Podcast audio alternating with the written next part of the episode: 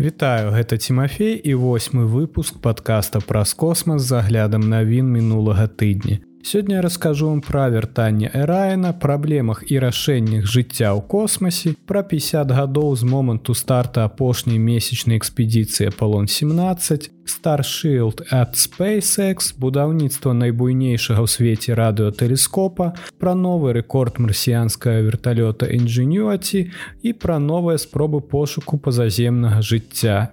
Таму давайте пачынаць.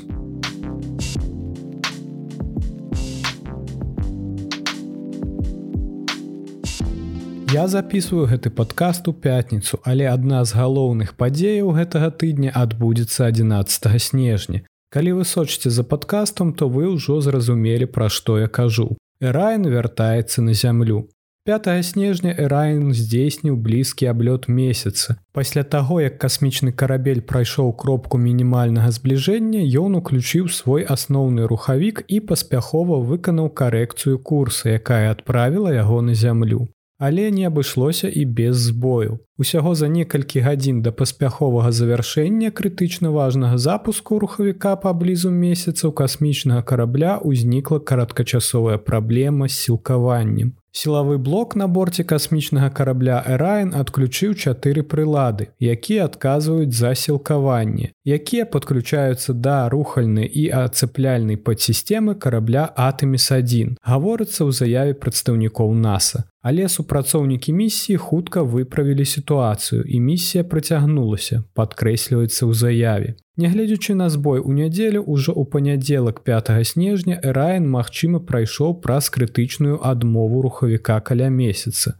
Збой сілкавання быў знойдзены неўзабаве пасля таго, як Эрайн зноў уступіў у кантакт сеткай далёкага космасу NASAа пасля запланаванага адключэння электраэнергіі. Райн перыядычна губляе сувязь з зямлёй, бо ляціць на адваротным баку месяца, дзе ён не можа перадаваць сігналы на антэны нашай планеты. Гэты палёт Эрайна служыць для таго, каб выправіць падобныя памылкі на папярэдадні першай місіі з экіпажам, якой, як чакаецца, стане Атэміс-2, прыкладна ў 2024 годзе.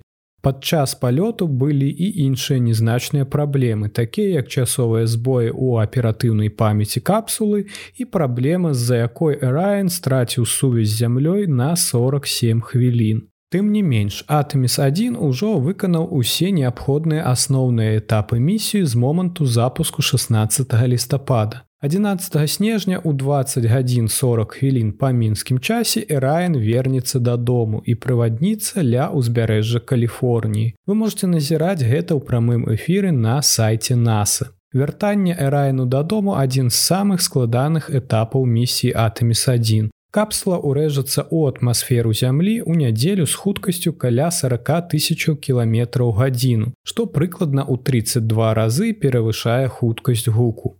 Падчас уваходу ў атмасферу Эрайн будзе адчуваць тэмпературу каля 2800 градусаў па Цельсію, прыкладна ўдвая менш, чым на паверхні сонца. Цеплавы экран капсулы павінен будзе несці гэтую цеплавую нагрузку, абараняючы астатнюю частку касмічнага карабля. Гэта будзе сур'ёзнае выпрабаванне для цеплаахоўнага экрана, які з'яўляецца зусім новым і яшчэ не сутыкаўся з такімі экстрэмальнымі умовамі. Пры шырыні 5 метраў гэта самы вялікі цеплавы экран у сваім родзе. Савет кіравання місіі дамовіўся аб запуску аварыйна-выратавальных груп. Як толькі Эрайн прывадніца каманда вадалазаў інжынераў і тэхнікаў пакіне карабель на невялікіх лодках і прыбудзе да капсулы. Апынуўшыся там яны замацуюць яго і падрыхтуюцца адбуксіраваць у заднюю частку карабля. Вадалазы прымацуюць трос, каб уцягнуць касмічны карабель. А калі вы слухаеце падкаст пасля 11 снежня, то я думаю, што гэта ўжо адбылося. У любым выпадку я пакіну спасылку на YouTube трансляцыю ў апісанні.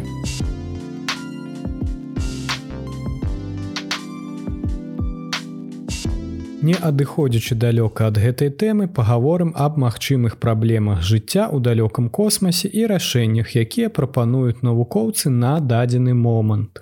Такая місія, як Атэміс плануе вярнуць астранаўтаў на паверхню месяца, развіць інфраструктуру неабходную для забеспячэння доўгатэрміновай прысутнасці на месяцы і стаць трамплінам для адпраўкі астранаўтаў на Марс.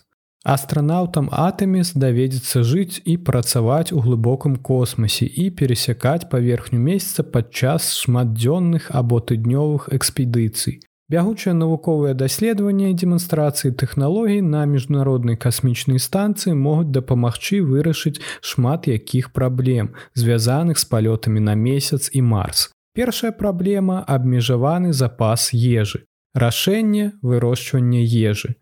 Людзям патрэбна ежа і вада, каб выжыць, але падчас больш працяглых місій якасць і каштоўнасць упакаваных прадуктаў могуць пагоршыцца. Дастатковая колькасць ежы жыццёва важна для падтрымання і дапаўнення экіпажа падчас місій на месяц і ў сонечнай сістэме. Эксперымент на касмічнай станцыі з выкарыстаннем аэрапонных і гідрапонных сістэм для вырошчвання свежых прадуктаў без неабходнасці выкарыстання традыцыйных асяроддзяў паказаў, што гэта можа прывесці да буйнамаштабных сістэм вытворчасці прадукту харчавання пры адначасовым зніжэнні патрабавання да вагі для гэтых сістэм і неабходнасці запуску свежых прадуктаў, што дасць больш месца для іншых каштоўных грузаў. У цяперашні час касмічная станцыя прапануе адзінае месца для вывучэння росту раслін ва умовах мікрагравітацыі з выкарыстаннем гэтага метаду. Другая праблема абмежаванае водазабеспячэнне. Рашэнне новыя метады рэгенерацыі вады. Вада складае каля 60соткаў чалавечага цела і мае вырашальнае значэнне для здароўя. Каб забяспечыць дастатковую колькасць вады для працяглых місій, сістэмы павінны аднаўляць каля 98соткаў вады, якая выкарыстоўваецца экіпажам. На касмічнай станцыі даследчыкі працуюць над дасягненнем гэтай мэты. Адной з тэсціруемых прылад з'яўляецца сістэма, якая выкарыстоўвае тэхналогію здабычы дадатковай колькасці вады з мачы экіпажа і скарачэння колькасці адыходаў вады. Спецыяльныя мембраны ў сістэме затрымліваюць забруджванне і прапускаюць вадзяны пар у атмасферу салона, дзе ён збіраецца і дастаўляецца ў сістэму апрацоўкі вады. Сістэма таксама можа забяспечваць чыстае паветра і падтрымліваць распрацоўку тэхналогій неабходных для будучых місій. Гэты метад мае патэнцыйнае ўжыванне на зямлі ў выдаленых умовах з абмежаваным доступам да вады. Трэцяя праблема інфраструктура і матэрыялы неабходныя для працы і жыцця ў космосе. Рашэнне 3D-друк і палепшаны цэмент. Астранаўтам, якія даследуюць нашу галактыку, патрэбны запасныя часткі, інструменты і матэрыялы. Бесперапыннае папаўненне запасаў грузаў непрактычна, паколькі місіі перамяшчаюцца далей ад зямлі але адказам могуць стаць творчыя рашэнні такія як 3D друк. Тэхналогія 3D Printing N0G зрабіла на МКС десяткі дэталяў, даказаўшы, што 3D друк працуе ва умовах мікрагравітацыі. Гэты эксперымент можа стаць першым крокам да стварэння механічнага цеха для працяглых місій і нават прапанаваць спосаб перапрацоўкі пластыкавых матэрыялаў. Паляпшэнне 3D друку можа быць карысным і для прамысловасці на зямлі. Асяроддзя пражывання і інфраструктура іншыя важныя кампаненты жыцця і працы ў космосе. Даследаванне зацвярдзення цэменту ва умовах мікрагравітацыі вывучае складаны працэс зацвярдзення цэменту. У адсутнасці гравітацыі мікраструктура зацвярдзелага цэменту значна адрозніваецца ад бетону зацвярдзелага на зямлі. У даследаванні ацэньваюцца мікраструктуры і ўласцівасці цэменту, а таксама правяраецца рэакцыя на розныя тэрмічныя і механічныя нагрузкі, што можа прывесці да спосабу выкарыстання гэтага матэрыялу для стварэння лёгкіх касмічных канструкцый. Вынікі таксама могуць палепшыць уласцівасці цэменту, які выкарыстоўваецца на зямлі і знізіць выкіды вуглекіслага газу, якія ўтвараюцца пры яго вытворчасці. Наступная праблема абмежаваны доступ да медыцынскай дапамогі пры траўмах. Рашэнне індывідуальная павязка на рану. У космосе няма бальніцы ці хуткай дапамогі, каб выклікаць экстранную дапамогу. Даследаванні ў арбітальнай лабараторыі дазваляюць экіпажам экіпіравацца для місій без неабходнасці неадкладнай медыцынскай дапамогі шляхам тэсціравання інавацыйных тэхналогій. Эксперымент еўрапейскага касмічнага агенства дэманструе прыладу, якая можа друкаваць індывідуальны пластыр па запыці, выкарыстоўваючы біячарніла, зробленыя з клетак пацыента. Метад, які можа паскорыць працэс зажывання. На зямлі такія нестандартныя пластыры маглі б падаць пацыентам персаналізаваныя і партатыўныя варыянты лячэння. Гэта толькі некаторыя з мноства задач, якія стаяць перад чалавецтвам у ходзе падрыхтоўкі да палётаў на месяц, марс і далей. І толькі некаторыя з магчымых рашэнняў праверены на касмічнай станцыі. Місіі атамі спрацуюць над усталяваннем доўгатэрміновай прысутнасці на месяцы і час, калі людзі будуць жыць не толькі на зямлі, становіцца бліжэй, чым калі-небудзь раней.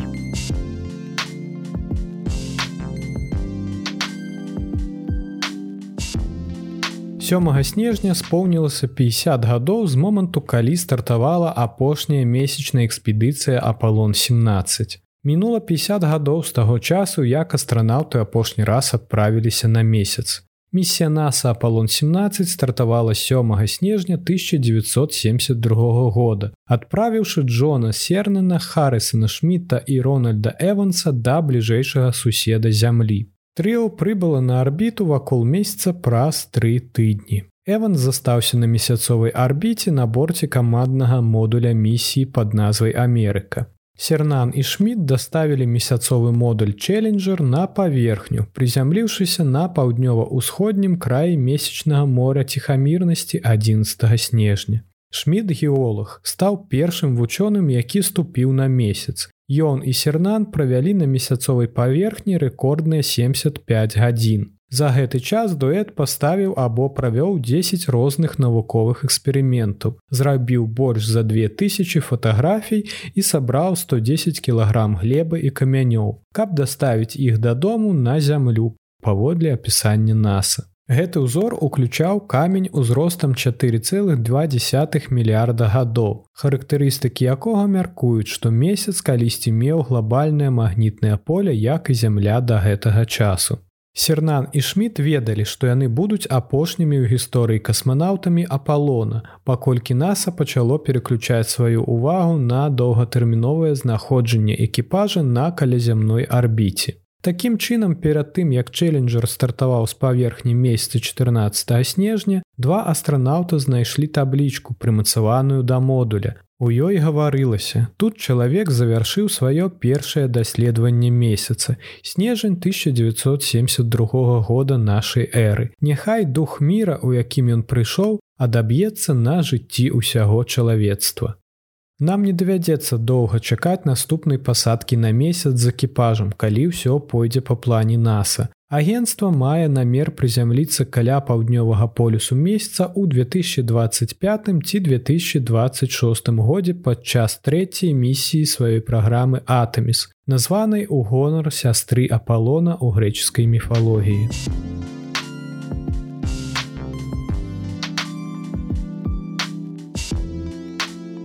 SpaceX раскрывае праект спадарожніка Starshield для патрэб нацыянальнай бяспекі. SpaceX пашырае свой спатарожнікавы інтэрнэт-бізнес і ўжо прадстаўляе шыракапалосныя паслугі кліентам па ўсім свеце праз сваю велізарную групоўку спадарожнікаў Starlink. На выхадных кампанія Ілона Маска паведаміла, што ў Starlink зараз ёсць партнёрскі праект пад назвай Старшыл, які прызначаны для выкарыстання дзяржаўнымі установамі, асабліва ў сектары нацыянальнай бяспекі. Starшылд або зорны шчыт выкарыстоўвае тэхналогію SpaceX Starlink і магчымасці запуску для падтрымкі намаганняў па забеспячэнню нацыянальнай бяспекі гаворыцца на нядаўна апублікаванай старонцы SpaceX Starshield. У той час як Starlin пазначаны для спажывецкага і камерцыйнага выкарыстання, Старshield прызначаны для выкарыстання дзяржавай з першапачатковым акцэнтам на трох абласцях.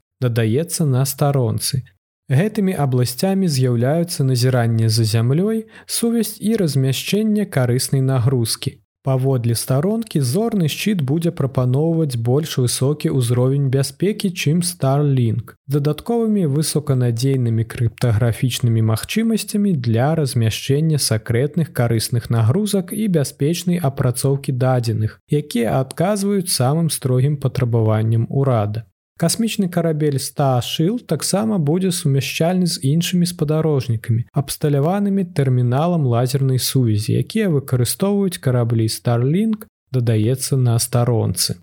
І гэта амаль усё, што мы ведаем пра зорны шчыт. На старонцы не змяшчаецца шмат іншых падрабязнасцяў аб новым праекце. Вядома, мы ведаем значна больш пра Starлінг. Мегасузор'е складаецца з больш як 3200 актыўных спадарожнікаў і будзе значна павялічвацца ў бліжэйшыя месяцы і гады. SpaceX ужо мае дазвол федэральнай камісіі па сувязі ЗША на разгортванне 12 тысячаў караблёў Starлінг першага пакалення, якія цяпер працуюць на нізкай калазямной арбіце. Акрамя таго, кампанія дадала заяўку на атрыманне дазволу на запуск амаль 30 тысяч спадарожнікаў Сталінг 20. Гэтыя новыя касмічныя караблі, якія SpaceX плануе запусціць у першую чаргу з дапамогай сваёй ракеты Starship наступнага пакалення будуць нашмат больш і магутней, чым іх папярэднікі. Напрыклад, спадарожнік Starlink 20 змогуць перадаваць паслугі напрамую на мабільныя тэлефоны, што SpaceX плануе пачаць рабіць ужо ў наступным годзе. Спадзяюся, зусім хутка мы зможам карыстацца інтэрнэтам без забарон і ўмяшальніцтва міністэрстваў, а таксама без VPN.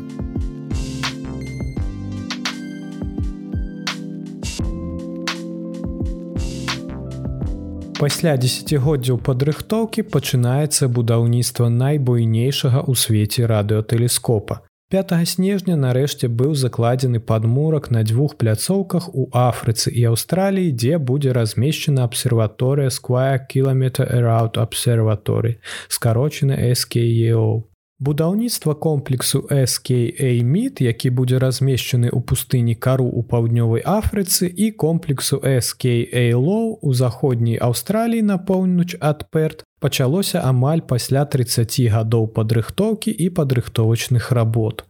Праект распрацоўваўся шмат гадоў, заявіла ў сваёй заяве старшыня савета СКО Катрын цесарскі, якая прысутнічала на цырымоніі закладкі падмурка на паўднёва-афрыканскам аб'екце. Сёння мы сабраліся тут, каб адзначыць яшчэ адзін важны раздзел у гэтым 30гадовым падарожжы, якое мы прайшлі разам. Падарожжы па дастаўцы найбуйнейшага ў свеце навуковага прыбора, дадала яна. Комплекс SKAміт у кару будзе сканаваць неба на наяўнасць крыніц радыёхваль у сярэднім дыяпазоне частот ад 350 мегагерц до 15 гігагерц з выкарыстаннем 197 талерак, кожная дыаметрам 15 метров. А комплекс SKAло у Аўстраліі будзе складацца з 131 072 дыпольных антэн для выяўлення радыохваль у дыяпазоне частот ад 50 до 350 мегагерц.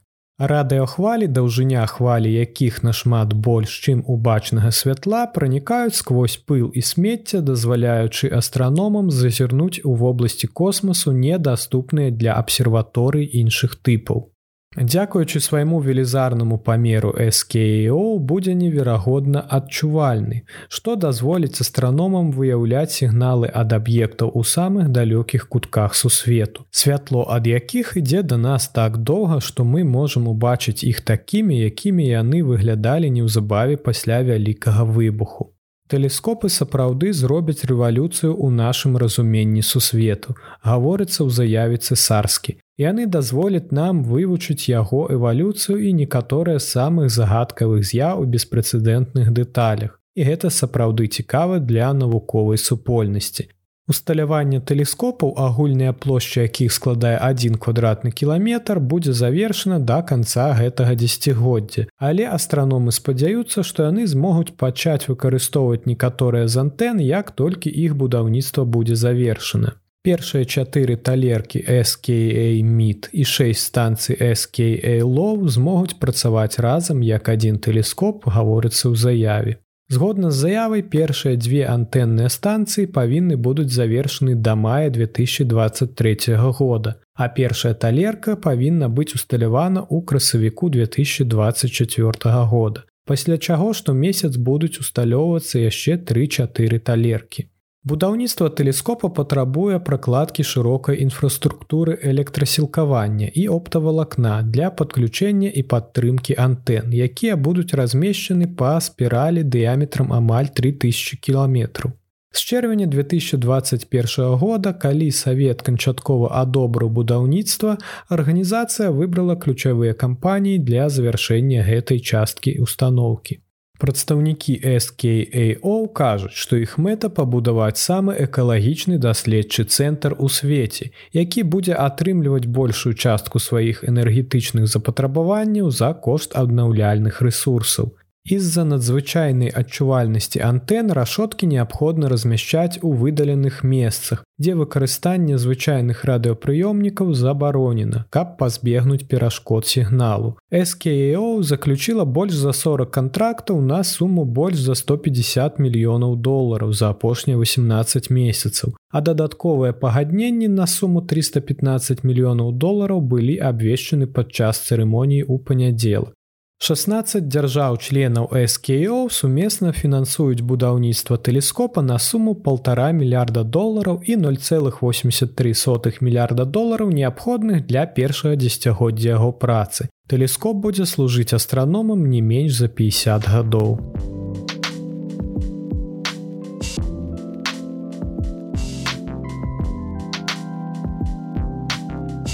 Марсіанскі верталёт інжынюаці узляцеў вышэй, чым калі-небудзь падчас 35 палёту на чырвонай планеце. Верталёт NASAа працягвае паднімаць планку палётаў на чырвонай планеце. Маленькі верталёт узняўся на 14 метраў над чырвоным грунтам Марса. Папярэдні рэкорд склаў 12 метраў і быў усталяваны ў трох папярэдніх палётах.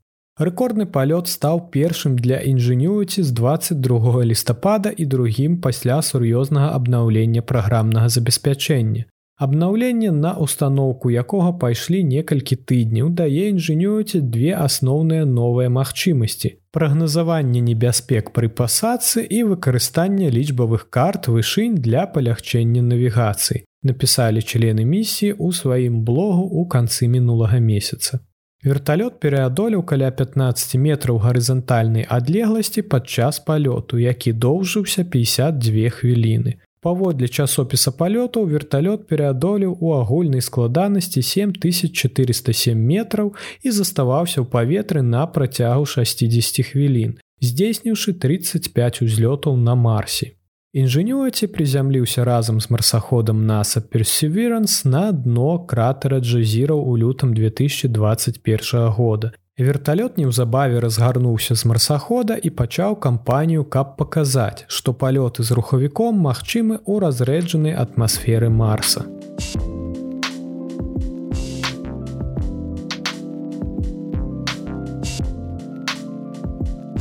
На магутным радыётэлескопе ідзе паляванне за сігналамі разумнага пазаземнага жыцця. На буйнейшым радыётэлескопе паўднёвага палушаря стартавала новая ініцыятыва па пошуку сігналу разумнага пазаземнага жыцця. У рамках праекты новы суперкампутер разгорнуты на радыётэлескопе міркат у аддаленным рэгіёне кару ў паўднёвай Афрыцы першага снежня пачаў шукаць так званыя тэхнасігнатуры ад мільёнаў бліжэйшых зорак. Бліжэйшыя зоркі ўключаюць зоркі ва ўсёй галактычнай плоскасці млечнага шляху, а дадатковая магутнасць міркат павалючвае іх колькасць у тысячу разоў. Праграма таксама разглядзіць 100 блізкіх галактык у шырокім дыяпазоне хваль электрамагнітнага выпраменьвання, уключаючы радыёхвалі і аптычнае святло. Пошук гэтай папуляцыі зорак зойме два гады. І ў звычайным рэжыме назірання Міркет павінен быць у стане выявіць перадатчык, падобны на самыя яркія радыёмаякі зямлі на адлегласці 250 светлавых гадоў. Міркет складаецца з 64 талерак, якія могуць бачыць вобласць неба ў 50 разоў большую, чым тэлескоп Гринбэнк, які з'яўляецца найбуйнейшым у свеце радыётэлескопам, заявіў у сваёй заяве галоўны даследчык праекту Эндру Семён. Такое вялікае поле зроку звычайна змяшчае шмат зорак, якія з'яўляюцца цікавымі аб'ектамі. Наш новы суперкампутер дазваляе нам аб'ядноўваць сігналы ад 64 талерак. каб атрымліваць выявы гэтых аб'ектаў у высокай якасці і з цудоўнай адчувальнасцю. І ўсё гэта без шкоды для даследаванняў іншых астраномаў, якія выкарыстоўваюць масіў. Такім чынам, кіруючы тэлескопам у фонавым рэжыме, даследчыкі атрымаюць доступ да радыотэлескопа Міркет амаль 24 гадзіны ў суткі 7 дзён у тыдзень. Міркет можа адначасова сканаваць 64 аб'екты ў сваім асноўным поле зроку. Што азначае, што тэлескоп можа прыбраць сігналы, якія зыходзяць ад створаных чалавекам тэхналогій, такіх як спадарожнікі, якія верцяцца вакол зямлі. Адным з першых аб'ектаў, які мы будзем назіраць, з'яўляецца наша найбліжэйшая суседняя зорка проксіма цэнтаўра, якая відаць трымае каля сябе дзве маленькія камяністыя планеты, на паверхні якіх можа існаваць вада. Пра гэта гаворыцца ў заяве выканаўчага дырэктара. У цяперашні час праводзіцца руцінная праца з сервернай часткай на міркэт. І каманда з нецярпеннем чакае магчымасці падзяліцца першымі навуковымі вынікамі ў бліжэйшыя месяцы, сказаў ён. І гэта ўсе навіны, пра якія я хацеў расказаць вам у выпуску, цяпер да падзеяў, якія нас чакаюць на наступным тыдні. Метэорны поток гемініды дасягне свайго піку 14 снежня. Меторны поток гемініды паходжанне якога звязваюць з астэроідам фаэтон адзін з самых багатых зоркападаў у годзе. У ясную ноч до або пасля піка можна ўбачыць каля 50 метэораў у гадзіну. У ноч максімальнай актыўнасці 150 метэораў гадзіну. Лепш за ўсё гэты метэорны поток бачны з паўночнага паўшар'я, але яго можна ўбачыць і ў паўднёвых шыротах. У гэтым годзе гемініды дасягнуць максімальнай актыўнасці ў ноч з 13 на 14 снежня. Для прагляду метэарытнага потоку не патрабуецца спецыяльнае абсталяванне або вялікай колькасці навыкаў. Лепш знайсці месцы для назірання ў далечыні ад гарадскіх агнёў і пачаць назіраць варта да ўзыходу месяца. Інакш яго святло можа зацьміць метэоры. Гемініды лічацца адным з самых уражлівых метэарычных потокаў у годзе. Это сапраўды прыгожая з'ява. Метэарыты гемінід адрозніваюцца белым колерам і вялікай яркасцю. Струмень ляціць не насустрач зямлі, а даганяе яе. Таму хуткасць метэораў невысокая. Таму я раю вам не прапусціць гэта. Меторны поток працягнецца да 20 снежня.